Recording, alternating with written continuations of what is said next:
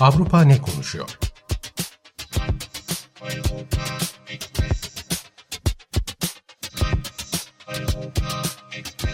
Avrupa medyasından yorumlar.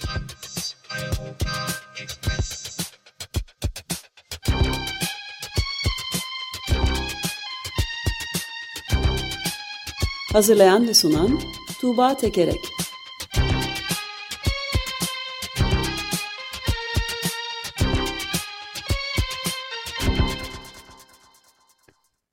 Günaydın Tuğba, merhabalar. Günaydın Ömer Bey. Günaydın. Günaydın Özdeş. Ee, Evet, deprem konuşacağız herhalde. Avrupa'da deprem konuşuyor, değil mi? Evet, Biraz. evet. Avrupa'nın başka gündemleri var ama ana gündemlerinden bir tanesi de e, bu bölgede olan e, deprem. E, bu bölgede olan deprem derken aslında tanımlanışı Türkiye medyasında olandan biraz daha farklı. E, öyle başlayayım. E, Türkiye ve Suriye'de olan deprem e, diye genel olarak haberlerde, yorumlarda geçiyor.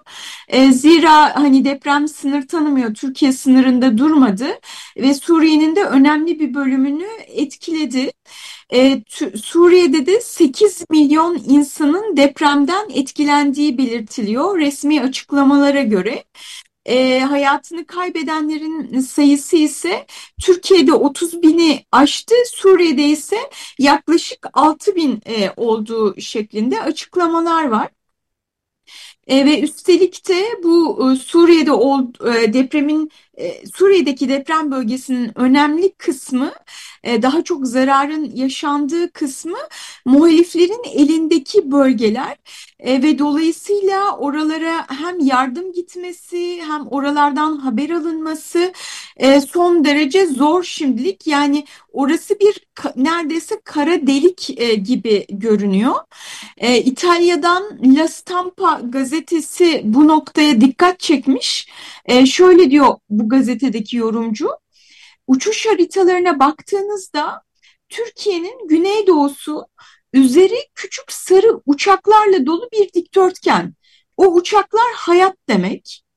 E, bölgeye dünyanın her yerinden gelen yardım malzemeleri, ilaçlar, gıda maddeleri, taşıtlar e, taş, e, orada buluşuyor, bu bölgede buluşuyor.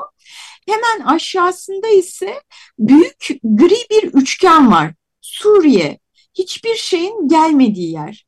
Ama depremin sebep olduğu tahribat sınırın o tarafını da bu tarafını da eşit derecede vurdu ve her iki tarafta da insanlar yaşıyor demiş. Stampa'daki yorumcu. E, buraya neden yardım gitmiyor dediğimizde demin söylediğim gibi işte muhaliflerin elinde önemli bir kısmı e, Suriye'deki deprem bölgesini. Esad e, yardımların e, Şam üzerinden e, geçmesini istiyor. Çünkü bunun işte hani bir egemenlik meselesi olduğunu söylüyor. Ya hani bir nevi AFAD üzerinden istiyor da yani. Evet, evet, evet öyle de söylenebilir. Ee, aynı zamanda yani sadece deprem döneminde değil, hani deprem öncesinde de zaten e, oralara e, yardım gitmesine izin vermiyordu e, Esad.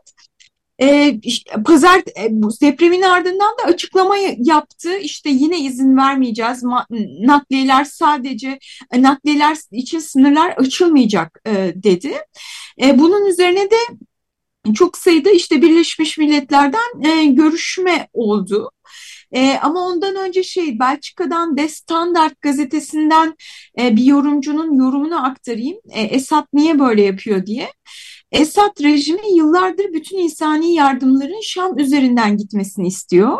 Çünkü böylece yardımların bir kısmının kaymağını yiyebiliyor ve yardım malzemelerinin nerelerde nasıl kullanacağını kendisi belirliyor e, diyor. E, ve muhalifler de ayrıca hani Şam üzerinden e, Esad'ın bu yardım için açılan koridorları hani kendisinin o toprakları, o alanları almak için kullanabileceği e, yönünde e, düşünceleri var ve bu nedenle de istemiyorlar. Aslında bir açıdan bakıldığında da hani muhalifler e, ve Esad'ın o alandaki egemenlik mücadelesinin e, bir nevi kurbanı, mağduru olmuş oluyor oradaki insanlar. Neyse sonuç olarak hani pazartesi günü e, Esad e, Türkiye'den iki sınır kapısının daha açılmasına izin verdi. E, bunca zamandır e, tek bir sınır kapısı açıktı ve oradan sadece iki konvoy gitmişti. E, Salı günü de Birleşmiş Milletler'e ait 11 kom kamyonluk bir e, konvoy e, bu yeni açılan sınır kapısından girebildi e, ve işte e, bir yardım taşınabildi. Ama söylediğim gibi yani hani burada bir konvoy, iki konvoy, üç konvoy gibi e, sayılardan bahsediyoruz. Hani Türkiye'de e, sınırsız sayıda o bölgeye tırlar giderken e, gerçekten Suriye'ye yani arama kurtarma zaten olmadı. Zaten hani çok çok sınırlı seviyedeydi.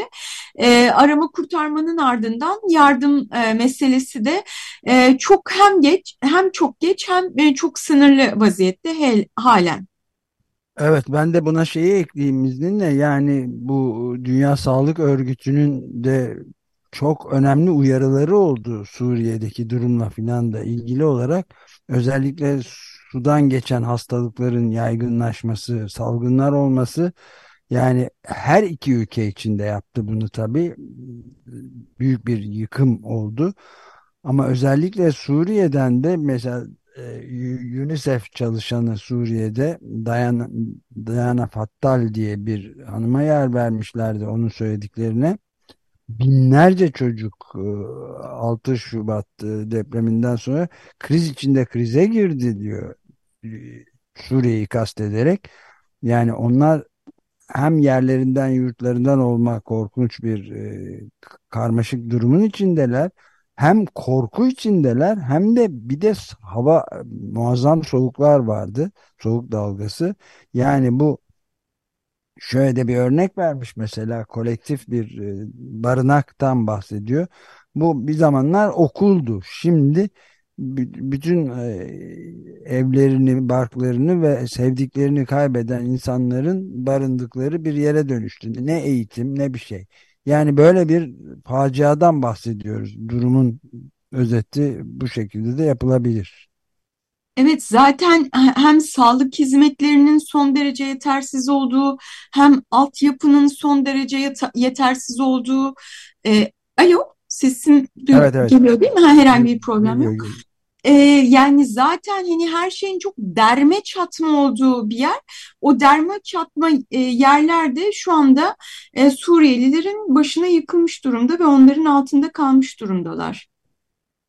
Evet ilk defa yardım gitti de konvoy yani günler sonra bizi tamamen bütün dünya unuttu diyorlardı. Evet bu şeyin yazısı La Stampa'nın yazısı çok uyarıcı tabii. Evet. Hmm, bir yandan Suriye ile ilgili böyle şeyler olurken yani bu depremin belki e, işte bu zor zamanların ee, zor zamanlarda belki işte Suriye gibi yerler görmezden gelinebiliyor maalesef. Ama bir yandan da belli bir ölçüde de bir dayanışma var ve bu dayanışmada e, işte bu zor zamanlarda insanın içinde umut doğuran e, önemli e, şeylerden, eylemlerden bir tanesi.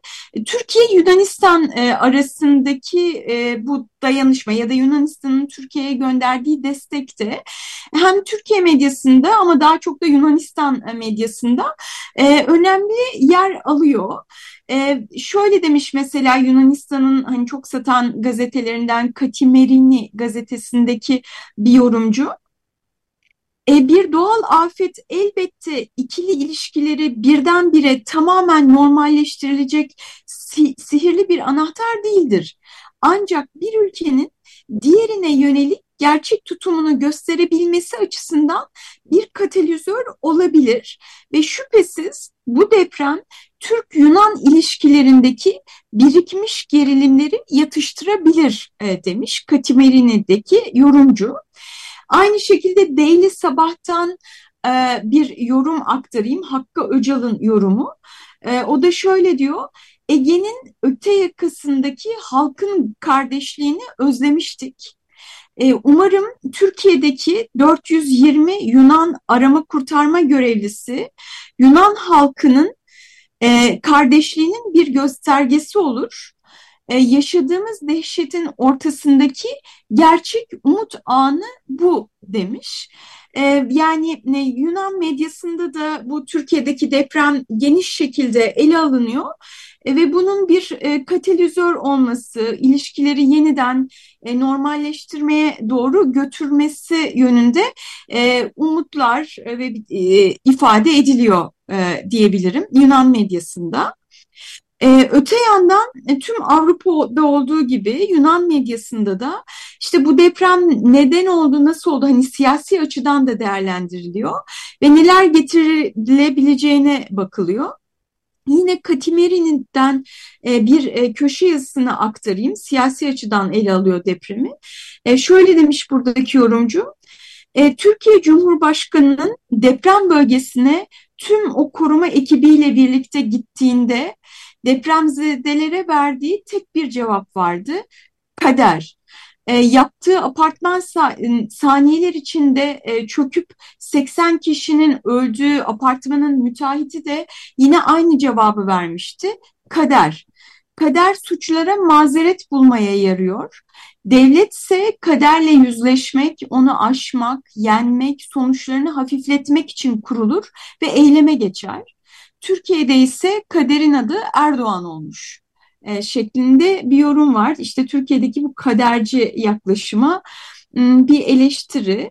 Erdoğan'ın ee, ilk açıklaması öyleydi zaten. Kaderin planında var diye iki gün kadar sonra e, deprem olduktan ilk yaptığı açıklamada bunlar kaderin planında var demişti bir depremzede çocukla konuşurken. Evet, e, Soma e, maden faciasından sonra da böyle demişti. Ama kendisi başbakan Kel olmadığı... Kelimeler değişiyor. Fıtrat demişti o zaman da. Bu işin ha, evet, olabilir. E, ama kendisi iktidarda olmadığı zamanlarda yani e, daha önceki depremde hiç de böyle olmadığını, yetkililerin gayet sorumlu olduğunu söylüyordu. Evet, Ekonomi... şey, e, pardon Buyurun. bir de şeyi eklemek istedim. E, hangi haber şeyinde gördüğümü hatırlamıyorum ama Yunan arama kurtarma ekibinin başında olan doktor Sokratis Dukas'tı galiba adı. O da kendisine bir çocuğun birdenbire gelip bir kutu kurabiye hediye ettiğini getirdiğini söyleyince ağlayarak anlatmıştı. Böyle çok yakınlaşma, dayanışma e, durumlarında da rastlanıyordu doğrusu.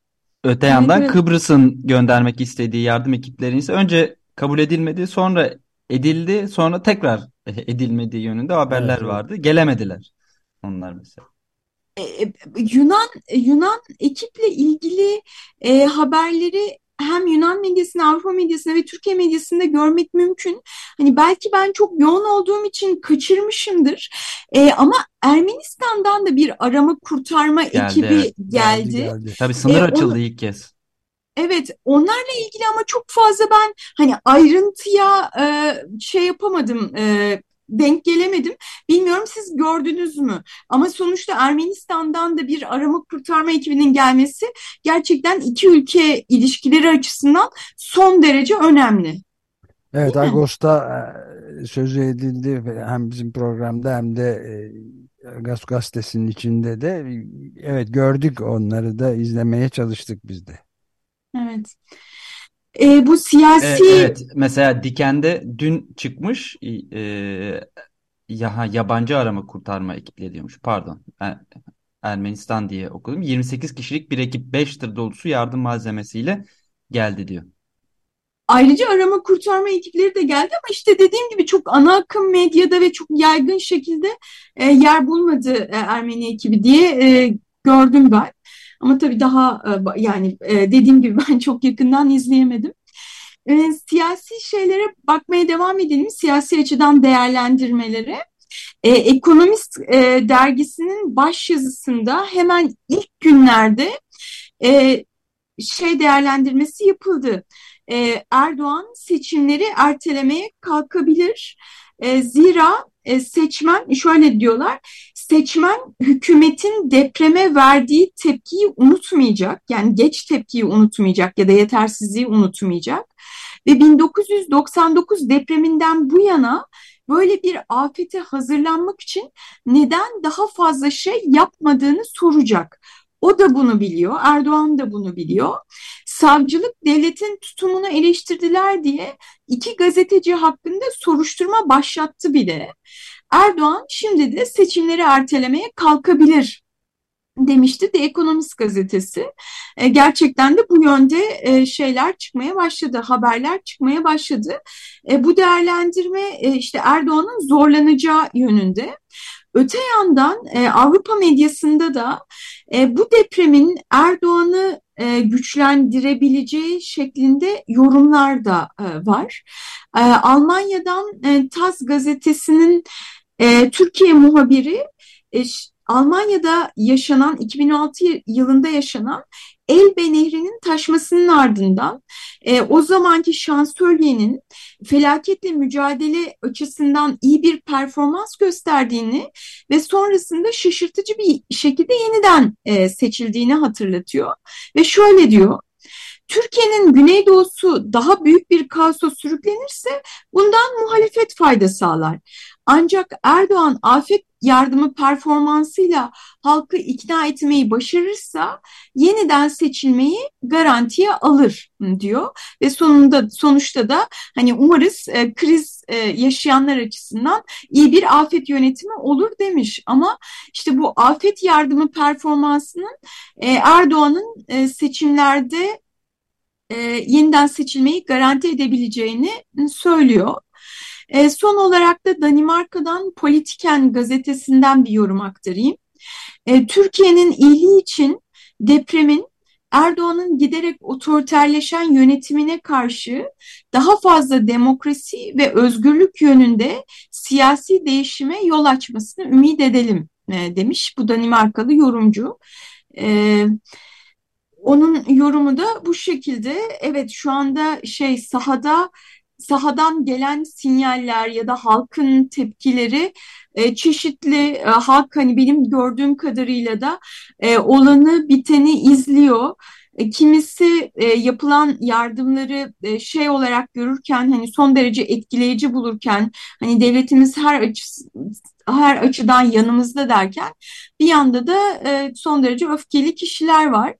E, tabii bunların ne kadarı yani e, önceden yani AKP seçmenleri, AK Parti seçmenleri fikirlerini değiştirdi mi, değiştirmedi mi? Bunu gözlemlemek şu anda mümkün değil. E, sahadan benim gördüğüm kadarıyla e, iki yönde de tepki var. Yani iyi ki devletimiz burada ve her şeyi yapıyor diyenler de var. Devletimiz çok geç kaldı ve çok eksik yapıyor diyenler de var.